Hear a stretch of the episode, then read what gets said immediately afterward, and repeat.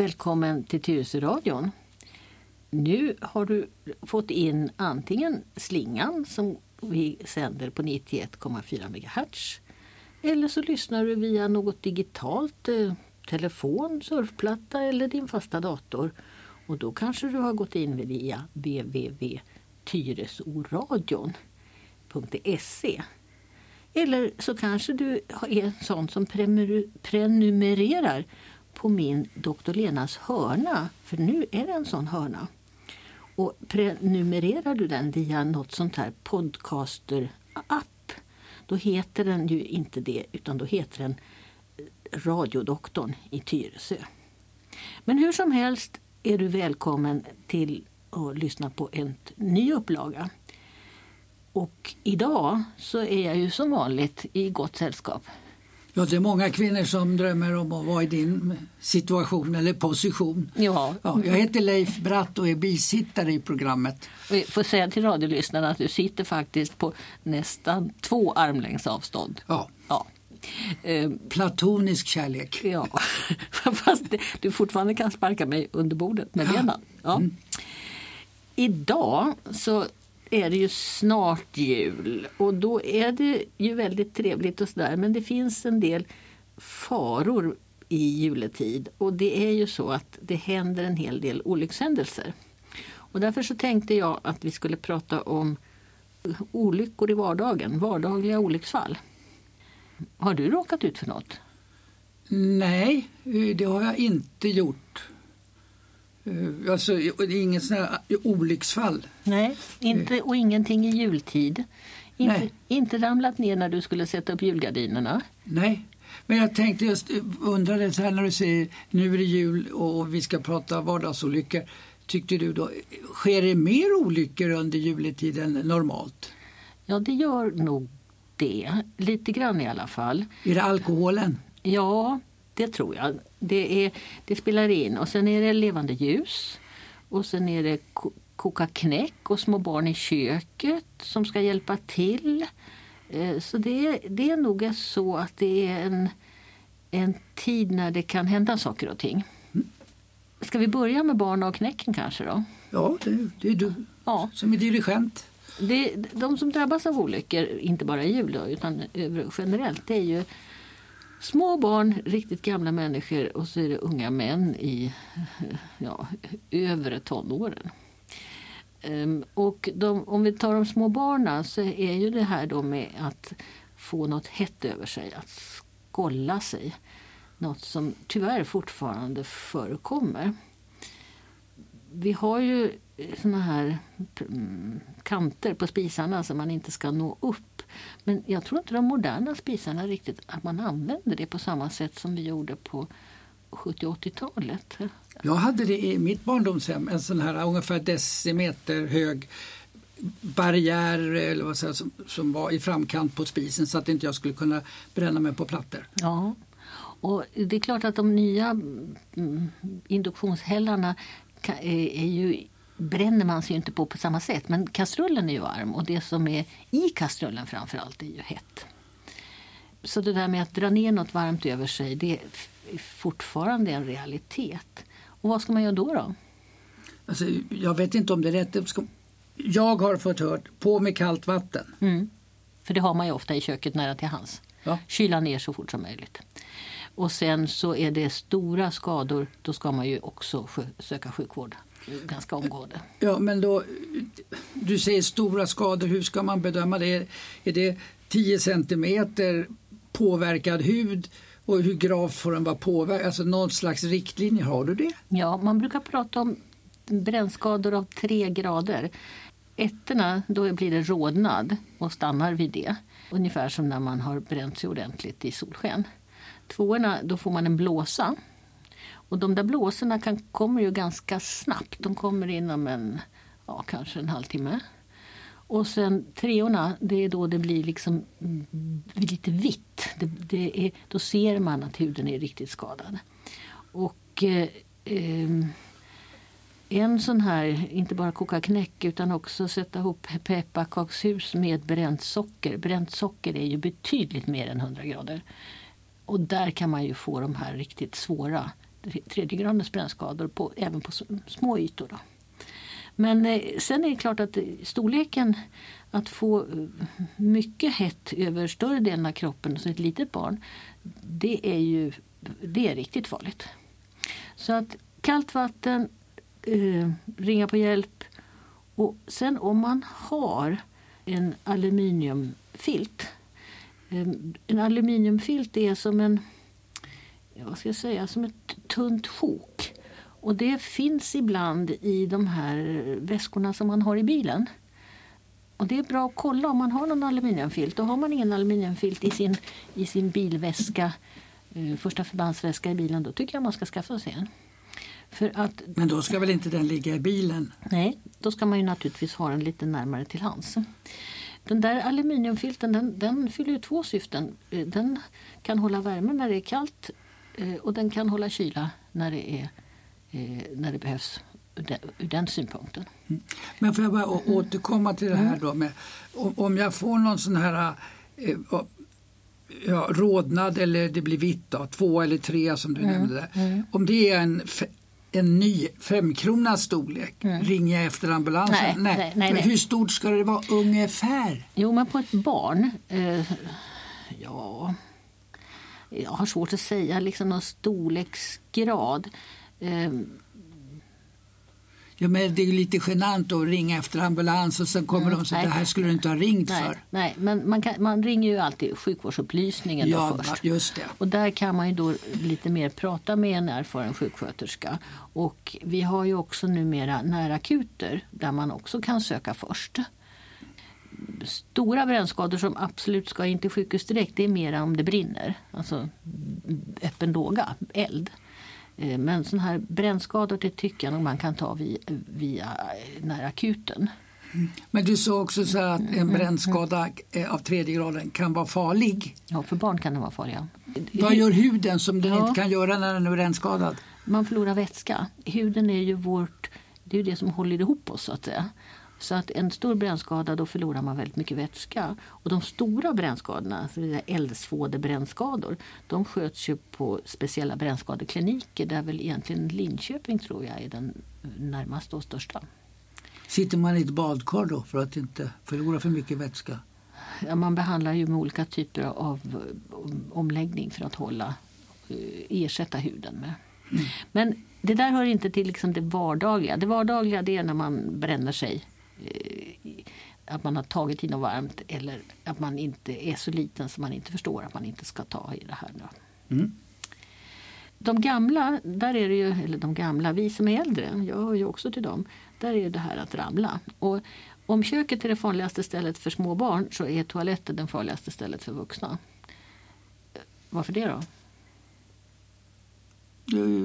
man ska, nu gissar jag bara, mm. ut och in i ett badkar till exempel? Ja, vatten på golvet, halt. Um, uh, lite mörkt kanske om man är uppe och kissar på natten.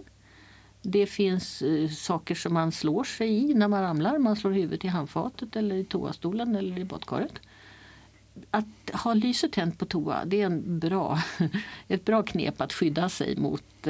Eh, och sen att när man eh, är i och ur badkaret att lägga en handduk på golvet och kliva på handduken. Så att man inte sätter ner en våt fot på ett halt golv.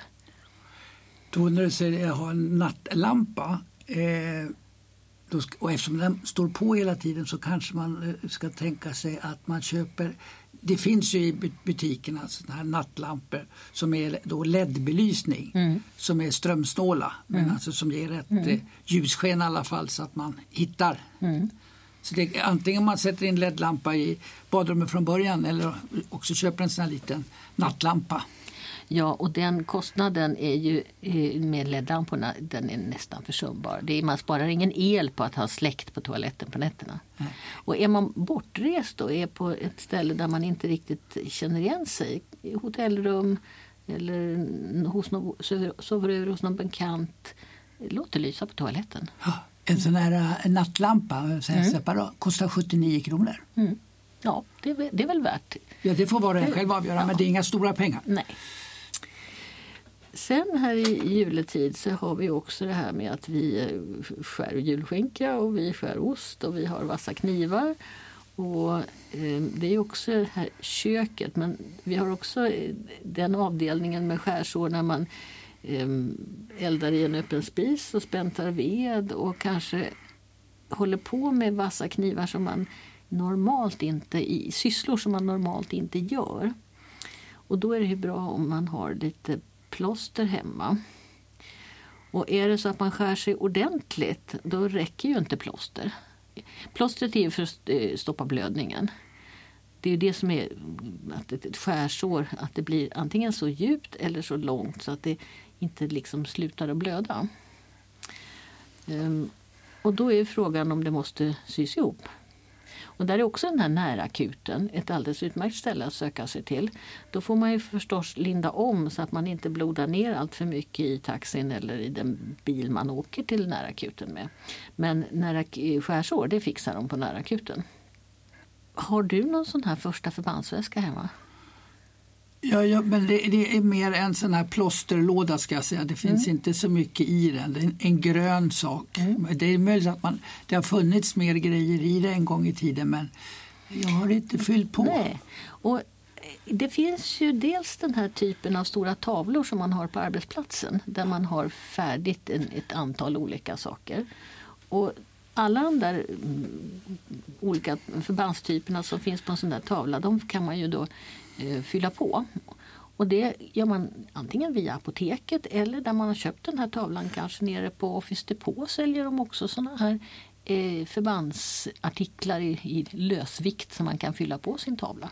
Eller sin bilkudde eller var man nu har det här. Och då tycker jag att man ska titta efter något som heter antingen 3 i 1 eller 4 i 1. För det är ett, det som förr i världen kallades för första förband.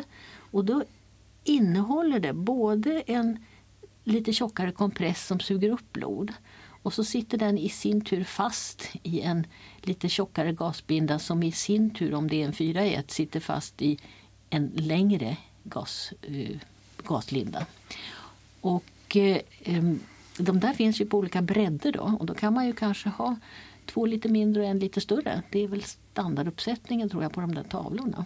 Mm. Och de är ju jättebra. Visserligen så kan man ju tycka att då slösar man med alltihopa när man, när man använder den. Men samtidigt det gäller att få stopp på blödningen och se om det är ett sår som är så djupt och fortsätter att blöda så att det måste sys. Eller om det räcker med att man har eh, lindat om ordentligt och tryckt på mm, tills det inte blöder. Finns det inte någon sån här eh, det, det kanske inte är någon skillnad på tejp och plåster men alltså just att med, nu säger jag tejp och kanske säger fel då, men alltså att man med den här tejpen verkligen drar så att man sätter ihop huden mm. eller trycker ihop. Mm. Det finns en slags små eh, band, eh, sterila, de kallas för steristrips och de ligger på Ja, de är fastsatta som en slags tejpremsor eh, på en eh, ja, pappersbit och så ligger det där sterilt i en förpackning. Och det finns också på apoteket och det brukar finnas i de här förbandstavlorna också tror jag. Steristrips och det finns med lite olika längder och de finns i, brukar vara en tio stycken i varje förpackning. Och de är jättebra just för att tejpa ihop ett sår eh, där som är alldeles, till exempel om man har skurit sig på en kniv och det är alldeles raka kanter då är det eh, jättelätt att tejpa ihop. Sen finns det faktiskt också ett klister. Det använder vi i sjukvården eh, och för att klistra ihop sår istället för att sy. Men det är ingenting som man har hemma direkt. Ehm, det ska förvaras kallt i kylskåpet i så fall. Och sen så när man använder det så ska man vara så pass stadig på handen så man inte klistrar fast sina egna fingrar i, när man håller ja. på med det. Det vet jag folk som har gjort. Eh, för det är ett, det är ett superlim. Men det är violett för att man ska kunna se vad man håller på med när man klistrar ihop ett sånt där. Och har man till exempel ett litet barn som har slagit sig någonstans och kommer till nära akuten så kan det ju hända då att de klistrar ihop det här såret. Mm.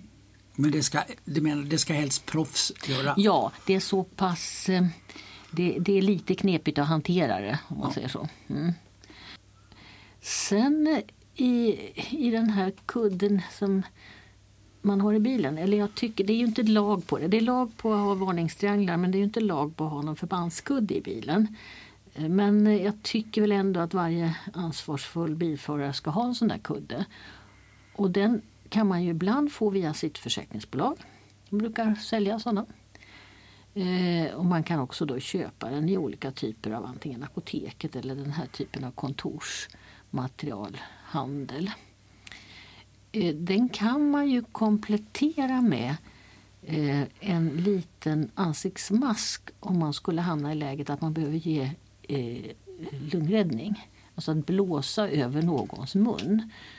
Det finns lite olika såna modeller på såna där mask och det är ibland lättare att använda en sån än att om man inte är, är van än att blåsa direkt i ett sårigt ansikte vid typ en trafikolycka. Men eh, det, det, någonstans har jag fått för mig att man, om man nu ska göra den här mun mot mun metoden mm. Är det inte så man ska hålla för näsan också så att inte luften går ut direkt genom näsan som jag har blåst in så att den kommer in i lungorna?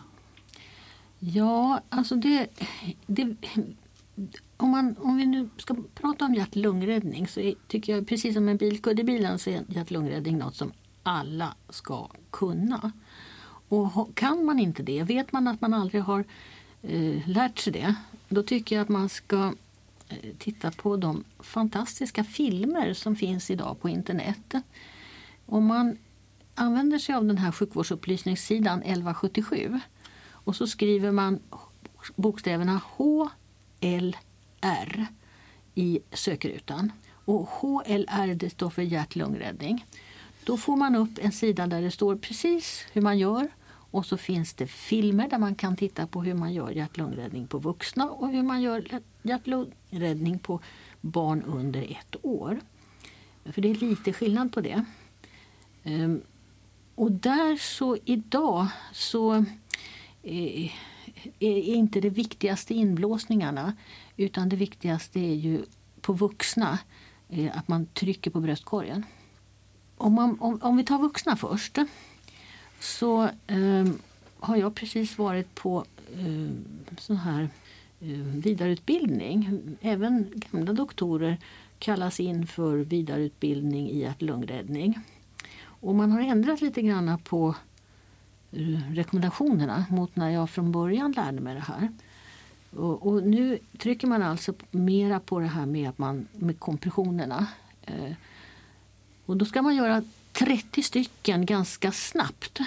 Och för oss, för oss som har varit med ett tag, om ni kommer ihåg den här låten Bee gamla låten som heter Staying Alive, Staying Alive, Staying Alive. Vi kan nog lägga in en liten snutt här faktiskt i programmet. Radio.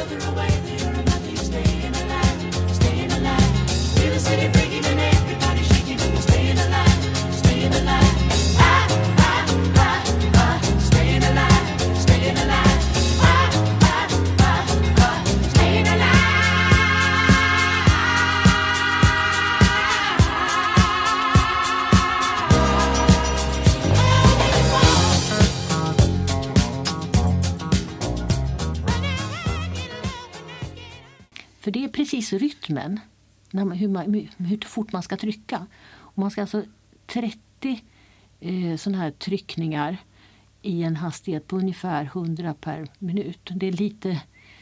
Eh, själv har man ju en, kanske gått upp i puls lite så det kanske stämmer med ens egen puls. Men just den låten stämmer väldigt bra med hur man, fort man ska trycka. Och sen efter 30 tryckningar ska man göra två inblåsningar. Men man ska blåsa långsamt, man behöver inte blåsa fort. Och just det där med att knipa om näsan är inte så himla viktigt utan det viktigaste är att man när man blåser tittar på bröstkorgen och ser att den höjer sig. Så att man inte blåser ner i magen istället. Men jag, jag skulle ju vara lite rädd eftersom inte jag har din kunskap, medicinska kunskap. Eh, här är det en trafikolycka, det ligger en människa som jag upplever ja, kan vi säga, medvetslös eller i alla fall väldigt illa däran. Jag, menar, jag känner ju så här, om, om jag börjar med 30 stycken eh, bröstkorgstryckningar Mm. Så kanske jag knäcker ryggraden på den här personen. Det är lite man ska göra först. Först ska man se till att det larmas 112. Det är det första. Sen ska man ju naturligtvis kolla att personen är medvetslös. Och det, det får man då nypa dem lite, ruska lite och se får man något svar. Om de, sen kollar man om de andas. Och om de andas då ska man lägga i framstupa sidoläge. Och det finns också på den här utmärkta 1177-sidan precis hur man går tillväga när man vrider någon över i framstupa sidoläge. Och det är inget svårt, bara man vet precis hur man gör. Och en, en, även en liten person som jag kan nog utan svårighet välta en stor person på sidan för att eh, eh, komma i det här läget. Om det då är någon som inte eh, svarar alls på tilltal inte ger något livstecken ifrån sig och heller inte har någon andning. För, för det, gamla tider så var det någonting man skulle hålla upp en spegel och se om det blev andnings... Imma. Ja, men sånt, sånt håller vi inte på med numera. Utan istället så tittar man på bröstkorgen om den rör sig. Och sen så kan man också lägga kinden emot och känna med sin kind eller med ovansidan på sin hand om det kommer en luftström. Men upplever man att vederbörande inte alls andas då ska man starta hjärt-lungräddning. Och då kanske det inte spelar så stor roll att man gör 30 exakt, utan då trycker man. Och då ska man trycka med raka armar för annars så blir det så jättetungt. Man pumpar då med raka armar 30 gånger, håller händerna ungefär mitt emellan bröstvårtorna och då håller man händerna ovanpå varandra så man får en, en fast, eh, mm, fast att trycka. Och sen två inblåsningar och så 30 igen. Så 32 är, är liksom rytmen och sen hela tiden har man den här låten i huvudet. Och staying alive, staying alive, staying alive.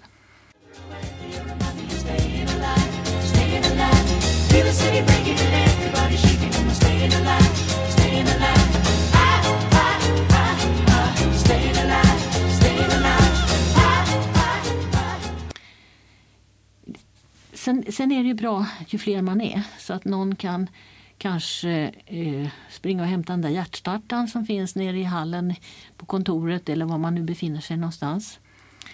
Och när man har ringt 112 så får man ju alltid att man ska ha telefonen på och då ska man också komma ihåg att trycka in högtalarknappen så att man inte behöver fippla med telefonen vid örat någonstans utan att man hör hela tiden eh, de instruktioner man får från 112-personalen. Och de säger precis vad man ska göra. Sen behöver man använda den här hjärtstartaren så är det väldigt enkelt för det är en på-knapp och sen säger apparaten precis vad man ska göra. Det är... Finns det såna här videokurser och ja, på 1177? Inte på hjärtstartaren vad jag kunnat se men eh, den som har satt upp hjärtstartaren och köpt in den har säkert fått en, en utbildning. Och som sagt hjärtstartaren i sig är självinstruerande. Så där är egentligen bara på-knappen som är eh, det är två knappar. Det är på-knappen och så är det knappen när man ger elstöten. Ja. Men du menar så här då för att inte jag ska vara alltför rädd om olyckan skulle vara framme och, och, och jag finner den där personen avsvimmad eller medvetslös eller så. Mm. Är det så att eh, jag upplever att personen andas inte ens. Mm. Då är det prioritet ett. Alltså, jag ska inte vara rädd om jag ställer till en skada. Nej. Andas inte människan på ett tag så kommer den ju dö i alla fall. Ja, så att du, det är bara att sätta igång. Ja. Ringa 112, ha högtalaren på på telefonen och så starta hjärt-lungräddning. Och sen så kommer ju ambulansen. Och de, på här, sådana här hjärtstopp kommer de ju ganska snabbt på. Och sen kommer det kanske andra människor till och hjälper dig så man kan lösa av varandra. Ja, det är tur att det är Tyresö närradio när det kommer ganska snabbt. Bor jag i Dorotea så kanske ja. avstånden... Ja, men det här är närradio. Det här är närradio, så här har vi ambulansen ganska snabbt. Ja. Det som kanske är jobbigt om man är med i en sån här situation det är ju att efteråt undrar man ju när ambulansen har kört iväg, hur går det för dem? Och det har man ju som privatperson egentligen inte rätt att få reda på. Eh, men på 1177 så finns det ett tips att man ändå kan ringa till akuten och fråga och säga att det var jag som gjorde hjärt-lungräddningen och, eh, och höra lite allmänt bara om de har hur det har gått. För det kan vara väldigt, väldigt jobbigt att ha liksom gjort hela det här och sen inte få reda på vad hände sen. Hur gick det? Men det är som sagt det är sekretess på det sättet att det är inte så alldeles självklart att man får reda på vad som har, hur det har gått sen. Nej, men det kan väl också vara att den personen som drabbas av det här Mm. vill ha tag i, i hjälten, vardagshjälten. Hur går Och- det till då? Jo, här gjorde vi ett program, eller inte vi, det var Ann Sandin Lindgren som gjorde ett program med eh, två killar borta på Carspect som hade en kund som fick hjärtstopp och som de återupplivade. Och det programmet ska vi ta och kan vi länka till så ni kan, som vill lyssna på det programmet igen får höra det. Men det, det finns alltså någon koppling där? Alltså Ja. bra. Eh, när det gäller hjärt-lungräddning på väldigt små barn, barn under ett år, då ska man vara lite, då, då är det viktigast att blåsa. Och då börjar man med att göra inblås, fem inblåsningar. Och det beror på att dels att eh, den vanligaste orsaken till att ett så litet barn eh, slutar andas beror på att de har satt något i halsen. Och blåser man så blåser man antingen ner det i magen eller i lungorna eller man får i alla fall bort det ur luftvägarna. Hålla för näsan? De är ju så små, man blåser över alltihopa. Aha. Ja. Eh, sen finns det också då på 1177 hur man gör de här kompressionerna av bröstkorgen på ett sånt litet barn. För de är ju, där kan man ju inte trycka med sina händer rakt på utan där får man komprimera från, från, på ett annat sätt. Och det vis kan man också se på de här filmerna, precis hur man gör. Men det är också något som kanske, om man har små barn eh, precis som alla ska kunna hjärt-lungräddning så kanske föräldrar i synnerhet ska fundera lite över vad gör jag om mitt barn sätter i halsen. Och sen finns det ju andra saker också när man sätter i halsen och det gäller både vuxna på äldreboenden och, eh, och barn som sagt var. Och det är att man kan då vrida och vända kroppen på olika sätt och på vuxna gör man ibland någonting som kallas för Heimlich-manöver. Och då tar man tag om midjan. Man står bakom den som har satt i halsen och så tar man tag, ett kraftigt tag om midjan och så drar man till ordentligt. Och då kanske det säger plopp och så åker det upp det som sitter i halsen. Instruktionsfilm på 1177? Ja, finns Ja. det. Ja. En annan sak som jag tycker också att alla ska ha som alla som har en mobiltelefon med en adressbok där man har alltså olika telefonnummer sparade. Det har väl du va? Ja, Det vet jag inte. om den här... Den, Jo, men den där kan du spara. Leif har en väldigt gammal mobiltelefon. Men den har... den är årsbarn med mig. ja, ja, det måste den vara. Du.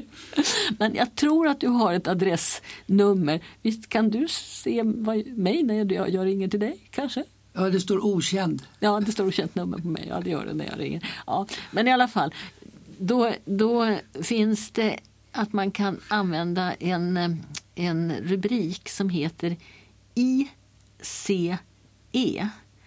Eh, och det är engelsk förkortning då för In case of emergency. Och om man, då ska man under den rubriken, ICE, så ska man lägga ett telefonnummer till den man vill att någon ska ringa om de hittar mig någonstans. Om, om någon hittar mig i ett dåligt läge, jag inte kan själv tala om vad jag heter och vem jag är, så ska det då i min mobiltelefon finnas ett nummer till, i det fallet här nu då, min man. Eh, eller kanske mina barn. Man kan lägga in flera IC-nummer också. Man kan ha IC nummer 1 och IC nummer 2. Men händer det någonting om man blir upplockad av en ambulans så tittar alltid sjukvårdspersonalen efter IC-nummer i telefonen. Om man, har, om, om man har en telefon på sig eller med sig. Så att det där är också en sån där liten grej som kan få väldigt bra konsekvenser. Att man faktiskt snabbt får reda på vem är det här och vad har den för anhöriga. Men du, jag, nu är jag lite elak här. Om jag springer fram och räddar en person Ja, så kan ju jag ta mobilen. Jag inte tar det, men jag kan titta i mobilen. Mm. För då får ju jag vem den där personen är eller anhöriga. Ja. Och då kan jag ju ringa dit sen till anhöriga och fråga hur gick det? Ja, det kan, det kan du göra. Ja. Det kan du göra. Och det tror jag inte någon, om du räddar livet på någon, har, har något emot det. Nej. Men sjukvårdspersonal får alltså inte skvallra. Nej, det här var bara gå en, eh, Mm, en annan väg. kringväg. Ja, en annan väg. Ja. Nej, men eh, jag tror att har vi avhandlat det viktigaste nu. Ja, jag känner mig i alla fall klokare. Lite- Eller mindre rädd ska jag säga. Ja. Eh, ha lyset tänt, träna balans, Se till att små barn inte är ensamma i köket med farliga grejer. Ha plåster och förband hemma. Kolla att förbandslådan är påfylld. Um, lägg in IC-numret i telefonen. Och titta på de här filmerna om hjärt-lungräddning så att man känner sig trygg. Och hamnar man i det läget så kom ihåg låten Staying Alive, Staying Alive. Får jag ställa en sista fråga? Ja. Jo, det här med hemmet. Mm. Hur många fallolyckor beror på att man har trösklar kvar? Är det någonting man ska ta bort när man blir gammal? Trösklar? Trösklarna är mera ett hinder för de gånghjälpmedel man har. Alltså ja. Man måste lyfta rullatorn över tröskeln. Okay. Det. Eh, det är viktigare att ta bort mattorna. Mm. För mattorna fungerar som eh, pulkan i pulkabacken. Alltså de, de åker man på. Så inga små mattor. Ska man ha mattor ska man ha lite större mattor. Men absolut inga mattor i, bredvid sängen. Mina föräldrar hade någon sån här plastskydd, alltså mm. ett, ett, ungefär som ett fisknät fast ja. gjort i plast mm. som, de, som skulle vara glidhindrande. Mm. Så att det låg fast på samma ja. ställe. Ja, eller klistra fast mattorna. Okay. Mm. Fast då är de ju svårare att skaka kanske. Ja. ja. ja. Nu hoppas jag att ni får en riktigt fridfull jul utan olyckshändelser. Och är olyckan framme så um, tror jag ni fixar det här nu. Ja, är ja. olyckan framme, slå på Radio Tyresö. Ja. Doktor Lena. Då kan man göra det. Ja. Tack för idag. Hej då.